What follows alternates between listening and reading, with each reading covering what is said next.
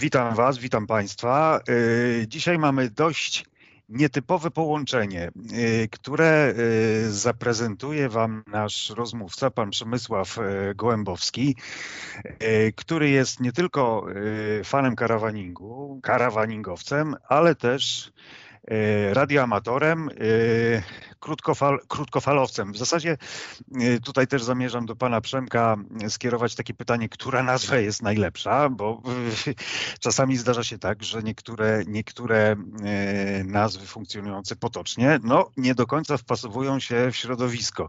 Tutaj tak na przykład większość z naszej społeczności źle reaguje, jeżeli na kampera powiemy karawan i to jest dość obraźliwa formuła. Natomiast tutaj o krótkofalarstwie wiem niewiele, dlatego też yy, opowie nam o tym pan Przemek.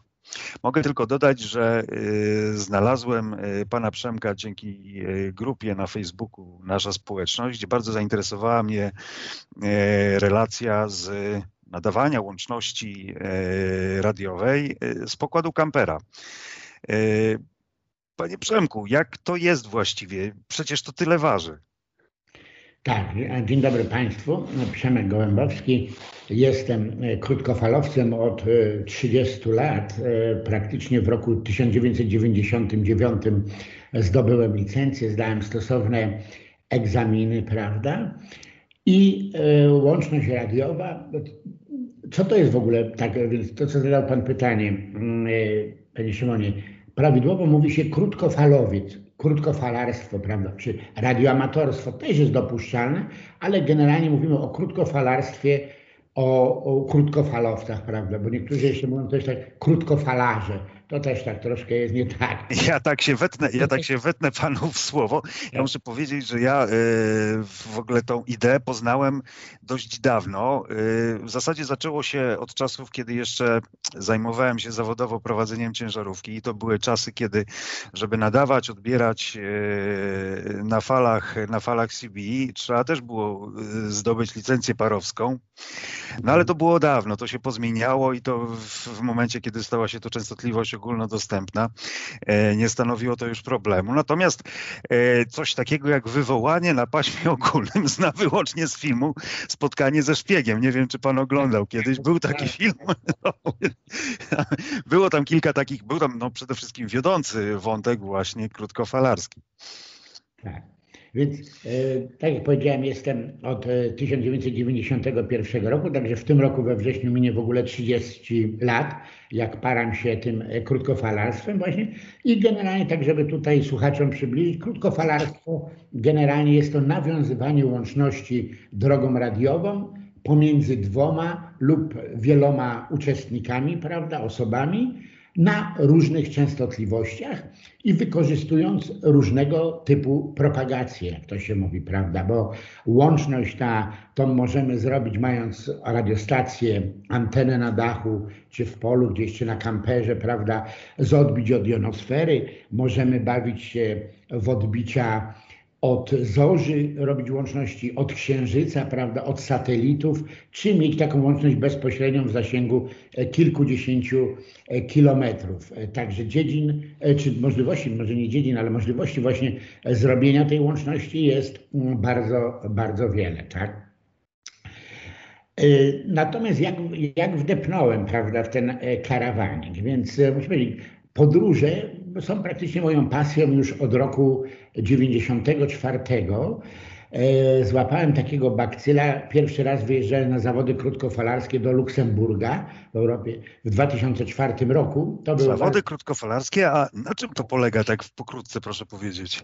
Zawody krótkofalarskie to są tak jak święta w kalendarzu, prawda, że to są określone daty i określone są święta. Tak, tak samo jest z zawodami krótkofalarskimi. Jest już z góry określony kalendarz na całym świecie, obowiązuje to i głównie w weekendy, prawda, przede wszystkim w weekendy są zawody krótkofalarskie. One mogą trwać 24 godziny lub 48 godzin, czyli na przykład zaczynają się one w piątek o północy i trwają do niedzieli do północy.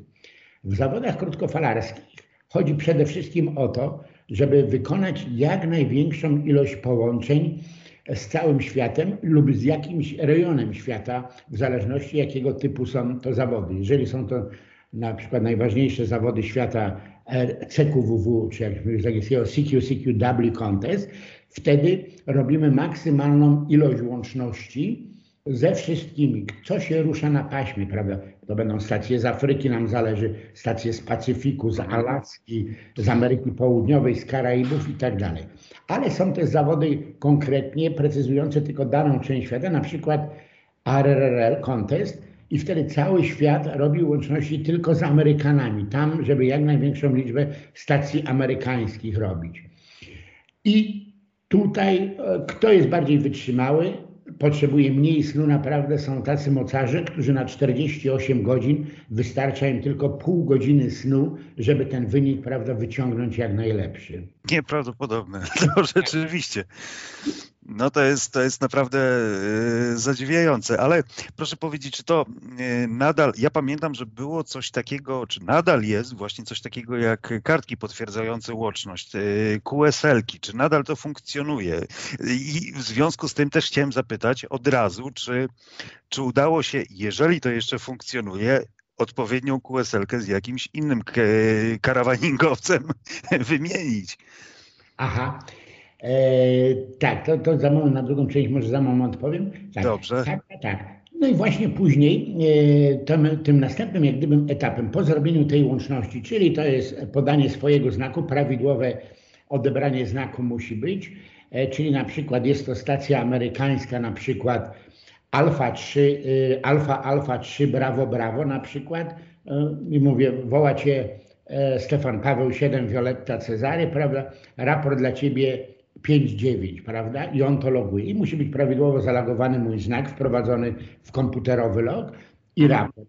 I taka łączność zalicza się do jakichś współzawodnic czy w zawodach, prawda, jak pracujemy. I mhm. później kolejnym etapem jest potwierdzenie tej łączności e, kartą QSL, która jest w formacie pocztówki. Tam są wszelkie parametry danej łączności, czyli data, godzina przeprowadzenia łączności, rodzaj emisji, czy to było fonium na przykład SSB, czy na telegrafii alfabetem Morsa, wtedy jest tam CW zaznaczony, bądź teraz bardzo są też popularne emisje cyfrowe, różnego typu emisje cyfrowe, mody, e, także to. Aczkolwiek już ta karta QSL zaczyna troszkę przysiadać i teraz jest coś takiego jak LOTW, to jest log światowy, który stworzyli Amerykanie i tam krótkofalowcy z całego świata, a jest nas kilka milionów, mhm. wrzucają tam za pomocą pliku ADI wszystkie swoje łączności. Program komputerowy to miesza, porównuje i to jest podstawą później do wydania różnych dyplomów, prawda? Do, dokumentuje, prawda, to, to tak, odpowiednią łączność. Tak, tak, tak, bo to jest takie potwierdzenie od razu, prawda, i tak dalej. A tak to czasami na tą kartę QSL muszę panu powiedzieć, panie Szymonie, że czekało się, na kartę czekałem poprzez biuro 20 lat, żeby otrzymać potwierdzenie. Co pan powie? Tak, tak, bo to nie jest, nie stać by było e, krótkowalowców na to, żeby każdą kartę wysłać tak zwani direct, czyli pójść na pocztę, znaczek przykleić, tam jeszcze załącznik, jakiś tak, tak, prawda, tak. kupon IRC, czy tam e, green stamp, prawda, żeby otrzymać zwrot ale e, no po prostu przez takie biura, biuro centralne to jest tak, ja w swoim mieście w Łodzi mam jedno biuro e, oddziałowe, oddaję kartę, to jest przesyłane do biura centralnego do Bydgoszczy i potem tam pocztą workową w workach przesyłki po całym świecie kursują, chociaż nie wszystkie kraje mają pocztę i czasami trzeba direct, tak zwane pocztą klasyczną wysłać. Mhm, mhm. Bardzo ciekawe to jest, wie pan, bo e, no mówię, no w zasadzie spodziewałem się, spodziewałem się, że nasze tempo życia e, w XXI wieku na tyle, e, na tyle przyspieszyło, to już jest takie tempo, kiedy e, rzeczywiście na, na przekaz pocztowy czasami niektórzy, no, nie, nie, brakuje im cierpliwości, trzeba powiedzieć, a tak naprawdę taka kartka jest czymś z poprzedniej epoki, chociaż trzeba przyznać, że e, niebywale klimatycznym. Nie wiem, czy, nie wiem, czy logi komputerowe, o których Pan mówi, e, mają, e, mają w sobie właśnie to coś. Jak Pan A, uważa? Dobrze Pan właśnie zauważył, Panie Szymonie, bo w swojej kolekcji mam, nie mam tu akurat przy sobie, żeby prawda, pokazać Panu przesłać, ale mogę jakieś tam skany zrobić. Mam wiele kart, indywidualnych, malowanych ręcznie, gdzieś z Afryki, jakieś misje mhm. Afryki, prawda, piękne karty malowane ręcznie, czy z Japonii, e, prawda, nie wszystkie są takie standardowe, prawda, pocztówki, widokówki i wysłane, lakierowane. Niektóre są pięknie, ładnie, ręcznie właśnie malowane. No, mhm. to jest coś, mają w sobie tego ducha, że tak powiem. Tak, natomiast no, taki lok e, światowy, wiadomo, no jest to wrzucone, jest tabelka, aha, porównuje pan, tak, korespondent potwierdził i to jest tylko to. Ja jestem tradycjonalista, wolę wziąć w rękę taką kartkę, przejrzeć, jest więcej satysfakcji z tego. Można do tego wrócić, prawda, do tych kartek sprzed 30 lat, które się otrzymało z różnych ciekawych, prawda, zakątków świata. I tutaj teraz właśnie ta sprawa, więc to jak gdyby tutaj w miarę tak przybliżyłem, na czym to polega. I tak. teraz tak. ta sprawa karawaningu. Ja generalnie podróżuję od roku, tak jak powiedziałem wcześniej, 2004. Tego bakcyla złapałem podczas pierwszej wyprawy do Luksemburga i nadawania właśnie radiowo skądś indziej niż z Polski. To było fajne, wołało dużo stacji, e, rozmawiało się z tej drugiej strony, prawda połknąłem bakcyla i później praktycznie starałem się co roku e, dwu, trzy, cztero, czy nawet sześciokrotnie gdzieś wyjechać za granicę z jakichś ciekawych zakątków nadawać. I mhm. praktycznie od 2004 roku do 2019 roku e, byłem już w 99 krajach. Nie we mhm. wszystkich udało mi się być z radiem, bo w niektórych ze względu na sytuację polityczną czy jakieś inne tam E, obostrzenie nie otrzymałem licencji, ale tam, gdzie było można, przynajmniej gdzieś w tych 80 krajach byłem z radiem, z antenami. To był Pacyfik, Afryka, Karaiby, Ameryka i tak dalej. Tak? I tutaj sobie upatrzyłem, że tym setnym krajem dla mnie będzie Islandia. Aha. Zrobiłem analizę cenową, e, jakbym tam poleciał samolotem, wynajął samochód, nocował później w jakichś domkach, wynajmował i tak dalej do wypożyczenia kamperów w Polsce, wyjechania tam i cztery tygodnie objechania całej Islandii, wyszła mi różnica 4000 zł taniej niż i właśnie jak wypożyczę tego kampera. I stąd to się wzięło. Wypożyczyłem w 2000 właśnie rok temu kamperka na cztery tygodnie, prawda? No i planowałem. Niestety pandemia E, spowodowała to, że Duńczycy wstrzymali wjazdy wielu obywateli, między innymi Polaków, do swojego kraju, więc nie mogłem do, dotrzeć do portu w północnej części Danii, skąd mieliśmy promem Noronia wypłynąć, tam te dwa i pół dnia się płynie, prawda, żeby dotrzeć. No i mówię do mm, Kasi, mówię, słuchaj, no mamy już tego kampera, sytuacja jest trudna, jest ten lockdown, zamykane są agroturystyki, hotele. Słuchaj, zostawmy już sobie tego kampera na próbę. Ja zaplanuję podróż dookoła Polski. I zaplanowałem podróż od Międzyzdrojów, prawda, do Suwałk, Suwałk do Arłamowa, z Arłamowa tutaj do Kłodzka i z Kłodzka poprzez Biskupin do Łodzi. I odbyliśmy w ciągu prawie 30 dni, 27, e, przebyliśmy 5300 kilometrów tym kamperem. Także karawanik nam się bardzo spodobał, ta forma właśnie niezależności, ta forma wypoczynku, a przy okazji jeszcze te miejsca swoich postojów powiązałem właśnie z krótkofalarstwem. I tutaj ostatnio bardzo mnie cieszą łączności z robienia e, łączności z odbić od śladu meteorów. Nie wiem, czy Aha. Nie, nie, nie. mogę nadmienić, więc nie wszyscy może wiedzą, ale praktycznie codziennie na glob ziemski spada z kosmosu około 100 ton materii. Ta materia oczywiście w atmosferze, gdzieś tam na wysokości około 100 km spala się.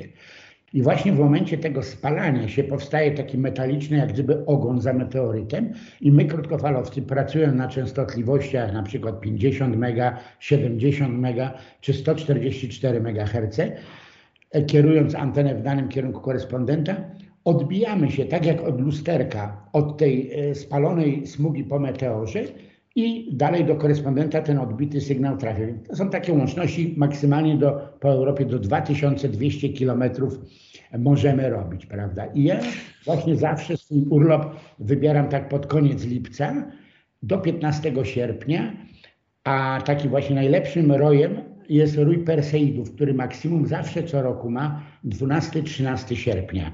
No to lada, y, no niedawno właśnie mieliśmy, to Dawno mogliśmy właśnie, obserwować. Tak, bo też wróciłem z takiego drugiego teraz turu dookoła Polski Północnej i też miałem z sobą antenę, radio i te łączności właśnie z odbić od śladów meteorytów przeprowadzałem. Tak.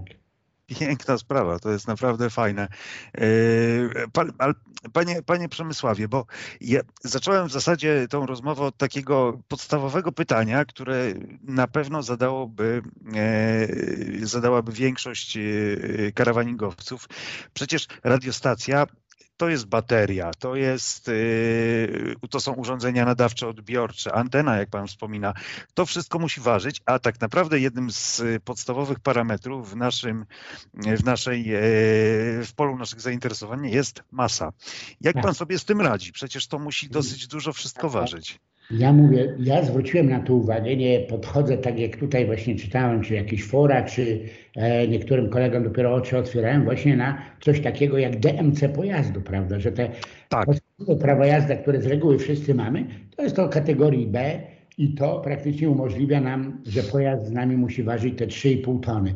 Więc rzeczywiście tutaj szukając, wybór kampera, który wybrałem, to był Citroen V66 e, Sunlight, on miał chyba najmniejszą wagę w wypożyczalni, której brałem i tam było gdzieś chyba około 2700-2800 kg, więc praktycznie miałem do dyspozycji około 700 kg, którym mogłem e, załadować go. Więc tak, napełniłem, e, dałem takie parametry maksymalne, czyli woda do końca 120 litrów, czyli 120 kg, bak, tam chyba był 70 litrów paliwa, moja waga jakaś, plus sprzęt cały, tak jak Pan mówił, zabrałem agregat prądotwórczy Hondy 3 kW, który waży 32 kg, zabrałem anteny aluminiowe, maszty teleskopowe, stalowe, to ważyło też sto kilkadziesiąt kilogramów, kable koncentryczne miedziane, to wszystko ważyło. Tak mniej więcej ręcznie kalkulowałem, że powinienem się zmieścić. Ciuchy, napoje, jakieś parę tam spożywczych rzeczy. Jechaliśmy Polska, więc nie ma problemu. No i pojechaliśmy na zaprzyjaźniony skład węglowy. No i pracownik, który otrzymywał tam, jak powiedział mi, 3495 kg, odetchnąłem i mogliśmy wyruszyć tą podróż dookoła Polski, bo różne są opinie, że ważą, nie ważą. Ja no, staram się nie, prze, nie naginać tych parametrów, nie przegrać, tak jak jest powiedziane, tak, więc mówię, no zawsze miałem ten bufor w postaci 120 kg wody, którą mogłem spuścić, prawda? Tak. Tak, to prawda, to prawda. No ale nie kupuj już paluszku, bo przekroczymy. Tak, ale mówię, do swoich takich znajomych, którzy biorą kampera, wypożyczają trzytonowego, cztery rowery, dwójka dzieci, masę, jakieś pontony, nie daj Boże, jeszcze pływają, butla gazowa, kombinezon. Na bank moim zdaniem, jeżeli wyjeżdżają w teren, to to jest 3700 kilo albo Oczywiście, nawet oczywiście. To nie ma fizycznie możliwości, żeby się nie zamknąć ma. w tej masie, niestety. Tak, tak. No i mówię, i to tak zaowocowało, panie Szymonie, że w tym roku też już praktycznie miałem zarezerwowanego kampera, Aha. ale szukałem, bo no wiadomo ile teraz kosztuje wynajęcie kampera i to na okres czterech tygodni i udało mi się, także kupiłem e, używanego kamperka Fiata Ducato, e, prawda, króciutki, mały, tak dla dwóch osób, E, udało mi się kupić, więc już od marca tego roku jeździmy swoim kamperem. Też jego waga tam gdzieś około 2800, aczkolwiek mam większy mankament, bo jego DMC jest 3400, takie nietypowe, no ale Aha. muszę się z tym pogodzić, ale jest mniejszy, króciutki, o wiele łatwiej jest mi się zmieścić na wielu parkingach. Tak. No to gratuluję własnego pojazdu, ale tutaj tak. od razu takie pytanie, czy, czy przystosowuje go Pan, bądź może już przystosował e, właśnie do swoich e, krótkofalarskich potrzeb, wnioskuję, że może, może jakieś tak. mocowanie na maszt, odpowiednie stanowisko do, dla całej aparatury. Tak, tak, tak, oczywiście jak najbardziej Panie Szymonie, tutaj do, dobrze Pan wyczuwa. Ja go nie zdążyłem jeszcze, bo się sezon zaczął i praktycznie znajomi to mi mówili tak, a przecież kampera się nie opłaca kupić. Ja mówię, słuchajcie, tak, bo większość, jeżeli kupi kampera i pojedzie tylko na dwa tygodnie do Chorwacji i wróci nim, to nie opłaca się, to lepiej po prostu wypożyczyć. Natomiast ja praktycznie mm, lubię podróżować, jeździć po kraju. My mamy na przykład w okresie od kwietnia do października masę imprez krótkofalarskich i praktycznie co weekend wyjeżdżamy gdzieś. Więc u mnie ten kamper praktycznie już od kwietnia zrobiliśmy nim 17 tysięcy kilometrów. Także praktycznie on co weekend jeździ. I tak jak Pan mówi, przystosował go, nie zdążyłem go jeszcze okablować, antenować do końca. Pierwszy etap zakończyłem pracy, zdjąłem, ponieważ nie jeździmy na rowerach, zdjąłem mocowanie do rowerów i z tyłu zainstalowałem skrzynkę, w której mam właśnie ten agregat prądotwórczy Hondy 3,5 kW EcoMike 30 i on daje mi pełną niezależność, więc jak jestem właśnie w takiej jakiejś dzikiej lokalizacji, e, prawda, gdzie dane miejsce e, jest do jakiegoś programu dyplomowego potrzebne, prawda, bo świat jest jeszcze tak nadmienię podzielony na tak zwane lokatory, czyli jak gdyby na kwadraty cały czas jest e, świat, świat jest podzielony, i te kwadraty jak gdyby biorą udział w różnych takich mm, programach dyplomowych w krótkofalarstwie. Mhm. Ja właśnie jak jeżdżę po Europie, to nadaję z takich różnych miejsc. To właśnie daje mi to możliwość, że nawet mogę gdzieś w lesie, na polu stanąć, odpalam agregat, prawda, mam 220 V, duży pobór e, prądu mogę e, uzyskać z tego, więc jest zasilany kamper, są zasilane moje radiostacje, wzmacniacze, oświetlenie, prawda, czy nawet ogrzewanie, jakbym musiał dodatkowo i tego. Następnym etapem będzie maszt, który będę mm, instalował z tyłu teleskopowy, czterometrowy, taki zdjęty z Hammera amerykańskiego wozu ojowego i tu pneumatycznie ciśnieniem będę pompował do góry z antenami jego, także ułatwi mi to. Szybkość będzie rozkładania się na miejscu, jak kolejną lokalizację odwiedzę, wtedy moment i będę już szybciej mógł nadawać niż tak jak... Jak, jak, dobry, jak dobry wóz pelengacyjny. Tak, tak, to dosłownie coś takiego właśnie. Tak. No, jaką długość ma ten maszt? Jaką wysokość może pan y, go podnieść? Tam w teleskopie ma 4 metry y, i do tego jeszcze jest taka rura gdzieś tam 1,70 m, czyli gdzieś na wysokości, antena będzie gdzieś na wysokości 6-7 metrów nad ziemią. Taką będę miał możliwość. Tak. Patrzę, patrzę na maszt swojego sąsiada, bo mam takiego radioamatora dosłownie naprzeciwko i on ma taki maszt, który sięga do wysokości mniej więcej pierwszego piętra. A to trudno tak, że powiedzmy jedno piętro 3 metry, drugie 3, no to mniej więcej 6 metrów tak celuje. Tak. Także tak, oczywiście będzie to wszystko wtedy też okablowane w środku, już radia przymocowane, bo tak to mówię, zawsze muszę tam na czas jazdy zabezpieczać, czy gułami, czy coś, żeby za każdym razem nie rozkładać, żeby się nie przesunęło przy hamowaniu i tak dalej. Także to wszystko będzie miało swoje skrzyneczki, mocowania, tylko mówię, no szkoda mi sezonu tego ciepła. Myślę, że te prace rozpocznę w październiku, takie e, przystosowujące go już bardziej tak, jak ja bym to określił, żeby taki bardziej wóz prolongacyjny się z tego no, no właśnie. E, a proszę mi powiedzieć, czy, bo tutaj, tutaj też mnie zainteresowało, że mm, to, że tak naprawdę nasz karawaning to też jest pewna społeczność osób, ludzi tak. zainteresowanych tą samą tematyką. E, I to samo dzieje się w krótkofalarstwie. E, wy się znacie, łączycie się, często rozpoznajecie. I tutaj od razu pytanie, czy, czy w naszym karawaningowym środowisku jest też ktoś, kto e, podobnie jak pan jest zainteresowany e, e, krótkofalarstwem. Tak, muszę panu powiedzieć, nie wiem dokładnie jaka ilość kolegów jest na przykład na forum Karawanik, nasza społeczność, czy na Campermeistrach, prawda, ale dając, ja tam dwa razy, chyba dwa razy zamieściłem coś i du, du, dosyć dużo było lajków, kilkaset plus komentarzy, chyba około setki, jak napis, który mamy na tylnej ściance naszego kampera. E, wydaliśmy fortunę aby żyć jak bezdomni, prawda, który tak. duże zainteresowanie i dużo komentarzy wywołał, prawda, plus właśnie ten agregat w tej skrzyneczce, też tam komentarze, e, rozmowy, więc to pozwoliło mi, że tam wyhaczyłem, że chyba około pięciu krótkofalowców co najmniej jest, bo e, pozdrawiali, załóżmy, i podpisali się swoim znakiem tam SP czy SQ, uh mhm, -huh. prawda, i dalej jakaś kombinacja literowo-cyfrowa była, więc podejrzewam, te kilka osób jest też na tych forach. Natomiast ile dokładnie nie wiem. W Polsce szacuje się, że jest około wydanych licencji, około 15 tysięcy licencji, z czego może aktywnych krótkofalowców będzie kilka tysięcy, tak? Bo wielu zmarło, wielu jest nieaktywnych, prawda? Kiedyś miało tylko przez moment jakiś zryw. Także, ale myślę, że jak tak powiem, że 3-4 tysiące jest aktywnych cały czas, to chyba się dużo nie pomylę. Tak y, nawiązując bezpośrednio do krótkofalarstwa, proszę mi powiedzieć, no i, i naszym, naszym słuchaczom, y, o czym się rozmawia? Czy są to tematy takie bardzo pospolite, typu jaka jest pogoda, co u ciebie słychać, takie, takie pytanie bardzo standardowe, czy po prostu chodzi bardziej o nawiązanie łączności, o samą, o samą taką, o samą czynność? Jak to jest? Okej, okay. więc tak, jeżeli mówię tak słabiej się zna język, prawda, bo głównie uniwersalnym językiem, tak jak normalnie tutaj, czy w handlu, czy w życiu jest język angielski, prawda, który dominuje, tak. ale można się posługiwać hiszpańskim, czy jakimś innym językiem, prawda. Ktoś go troszkę słabiej zna, to rzeczywiście, tak jak Pan zauważył, Panie Szymonie, łączność sprowadza się do podstawowych rzeczy. Daje wywołanie ogólne, ktoś się zgłasza, na przykład jakiś Hiszpan, mówi no hello, tam my name is Carlos, prawda, i tak dalej, mieszkam tu i tu, mam antenę taką a taką, prawda, radio takie a takie, jak się czujesz, jaka tam pogoda u Ciebie. I rozmowa praktycznie kończy się na wymianie tych podstawowych mm, informacji, czyli imię, miasto zamieszkania, prawda, i raport jaki się odczytuje ze wskaźnika.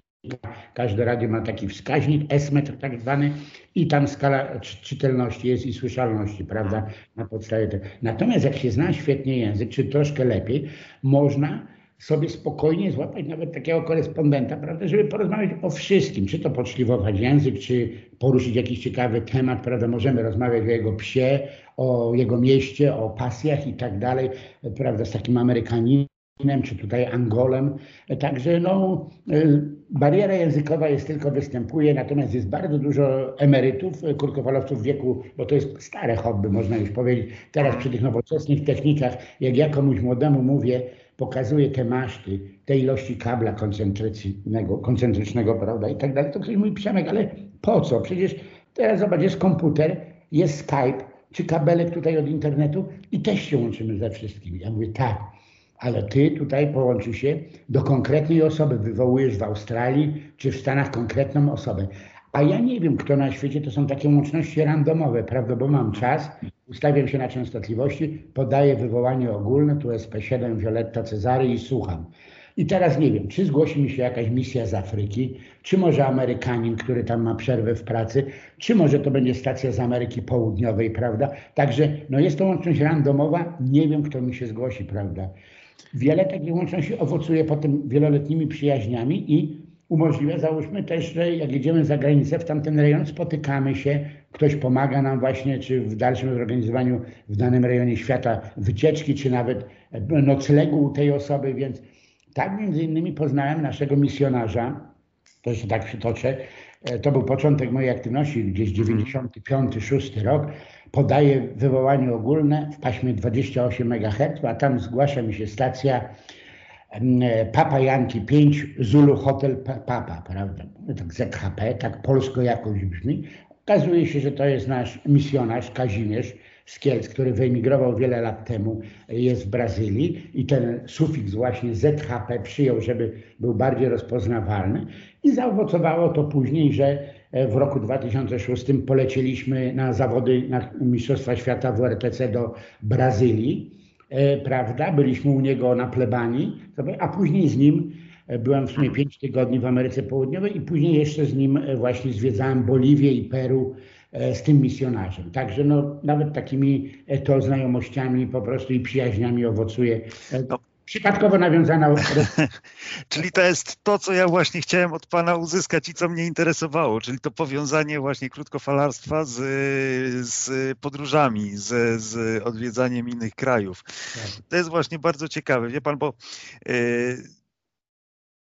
tutaj też chciałem, chciałem zauważyć taką jedną rzecz. Jest takie jest takie pewne grono, które się nazywa prepersi. To są ludzie, którzy się przygotowują na, y, wiecznie się przygotowują na ewentualny koniec świata, bądź też na ryzyko jakiejś wojny, wojny nuklearnej i tak dalej.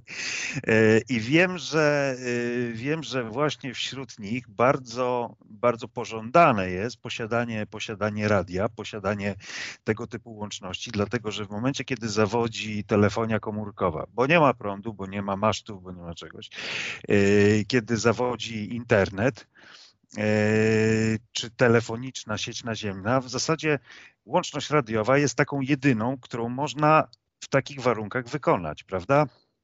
Tak, oczywiście, Panie Szymonie, ma Pan tutaj rację i rzeczywiście ja to też, bo ktoś mnie się też tak jak właśnie pyta, ale no co to Ci daje oprócz tego, że ja mówię właśnie to to, że mówię nie daj Boże, jeżeli właśnie. będzie jakiś kryzys światowy, jakieś, e, prawda, mm, konflikty tutaj, które wybuchają i na pewno jak wybuchnie konflikt, od razu będzie tak. Wyłączenie telewizji, wyłączenie radia, wyłączenie wszystkich e, przekaźników BTS-ów, GSM-owych, wyłączenie internetu i telefonów i zostaniecie po prostu do tych znajomych, mówię, głusi. Nie będziecie wiedzieć, co się dzieje, kto idzie, gdzie idzie, skąd idzie, kiedy dojdzie i tak. Tak. A ja nawet w swoim prywatnym e, samochodzie osobowym, w chodzie Boże zawsze mam z sobą radio też, antenę i tak dalej. Zasilanie akumulatorowe 12 V, włączam radiostację odpowiedniej częstotliwości i słyszę i mogę się połączyć i wiem, co się wokół mnie dzieje i załóżmy, w którą stronę uciekać, czy jak była ta wielka powódź na południu Polski w 90 latach, prawda, to też przez to, że krótkofalowcy mieli anteny na dachach budynków, sprawny sprzęt, wiele komunikatów przez nich właśnie się odbywało, bo e, niestety obrona cywilna pogubiła się, żeby w mhm. terenie pomontować szybko jakieś tam anteny, nadajniki uruchomić i krótkofalowcy bardzo włączyli tą wielką powódź, co była prawda na południu, tak? No więc teraz, teraz od razu pytanie, yy, pytanie i może porada dla naszego, dla naszego karawaningowego grona. Yy, czy oprócz radia CB warto właśnie wozić ze sobą takiego podstawowego ręczniaka, yy, małą radiostację, małe radio, yy, żeby, żeby w momentach, kiedy naprawdę nie mamy zasięgu, za jego pomocą szukać, szukać pomocy, jeżeli coś się przydarzy. Taki po prostu element bezpieczeństwa. Co pan o tym myśli? Tak, myśl, myślę, że tak. Teraz jest zupełnie, mm, tutaj słuchaczom powiem, zupełnie łatwiej zdobyć tą licencję, prawda? Dawniej, w latach tak jak ja zdawałem 90., a jeszcze wcześniej, czy 60., 70., 80., była wymagana telegrafia, odbiór prawda, odpowiedniej tam ilości znaków na minutę i tak dalej. To naprawdę była ciężka praca. Trzeba było po kilka godzin tygodniowo się przygotowywać, żeby załóżmy po roku pójść na egzamin i zdać go pomyślnie, prawda. Także telegrafia była tą barierą. Natomiast na dzień dzisiejszy przepisy zostały złagodzone. Są inne techniki cyfrowe właśnie, które są skuteczniejsze ten sygnał niż załóżmy telegraficzny i można naprawdę zdając, przygotowując się e, u nas na przykład w oddziale, prowadzimy w każdym mieście praktycznie, gdzie jest jakiś oddział krótkofalarski, są kursy przygotowawcze i jest kilkadziesiąt egzaminów w każdym mieście w ciągu roku. Teraz może troszkę przez pandemię to przystopowało, ale e, naprawdę nie jest trudno zrobić tą licencję, mieć, tak jak Pan mówi, właśnie go czy ręczniaka, czy radiostację już na fale krótkie od tych 2 MHz do 30 MHz i wtedy naprawdę, nawet nam, jak nam się coś wydarzy, gdzieś tam, bo w kraju jak w kraju, ale za granicą, będziemy w stanie wezwać jakąś pomoc. Ja też miałem takie śmieszne sytuacje, na przykład podróżując czy po, e, po Wyspach Brytyjskich, czy po Skandynawii, e, na parkingu, postawione anteny, nadaje, e, tiry, osobówki zatrzymywały się, halo, tam przyjacielu, czy coś się stało, czy nie potrzebujesz pomocy, bo oni myśleli, że ja wzywam pomoc, prawda, że hmm. coś mi stało. Ja mówię, nie, to tylko moja pasja, dziękuję, wszystko jest ok, jedźcie dalej, nie? Czyli, ale to y, warto od razu powiedzieć, żeby niektórzy nie mylili, bo jest ogromna różnica między takim zwykłym samochodowym radiem CB, który pracuje w zasadzie w jednym paśmie, prawda, a tak, tym, o czym rozmawiamy. Praktycznie tak, to jest częstotliwość 27 MHz, prawda? Natomiast mówię, to pasmo krótkofalarskie, jeżeli chodzi o fale krótkie, to jest od 2 MHz do 30 MHz, czyli jak gdyby zawiera też to 27, ale są inne. E, żeglując tak samo, na przykład e, żeglarze na świecie, krótkofalowcy mają tam e, częstotliwość 14, ponad 14 300, tam chyba nie pamiętam w tej chwili, 14 chyba 305 ileś jest, gdzie też można usłyszeć jachty, katamarany z całego świata zwołujące się i rozmawiające sobie na różne tematy, tak? To jest, wie pan co, wspaniała sprawa. Ja y, w swoim imieniu oczywiście chciałbym wszystkich was, państwa e, zachęcić do tego, żeby chociaż spróbować, może poczytać, może dowiedzieć się, jak e, zdobyć taką licencję, e, licencję parowską, bo jak słyszycie, może to być naprawdę przydatne w takim też codziennym podróżowaniu i Co więcej i co być może najważniejsze, będziecie mogli poszukać gdzieś w eterze pana Przemysława Gołębowskiego. Pod jakim znakiem? Tak, więc ja może podam, jeżeli byłyby osoby zainteresowane, które po wysłuchaniu tej naszej tutaj audycji, wywiadu będą zainteresowane, proszę napisać na mój adres mailowy, on jest bardzo prosty, tak jak znak, czyli Stefan Paweł 7 Violetta Cezary, SP7VC, małpa wp.pl. Ja udzielę wszelkich informacji, skieruję, gdzie można szukać i przygotować się do takiego egzaminu, prawda? Świetnie. Panie Przemysławie, bardzo dziękuję za rozmowę. Dla mnie to była ogromna przyjemność i coś naprawdę unikalnego. Mam nadzieję, że jeszcze nie jedna wspaniała łączność na karawaningowym szlaku. I życzę powodzenia. Dziękuję bardzo za rozmowę. Dziękuję serdecznie za rozmowę. Pozdrawiam Państwa. Do usłyszenia.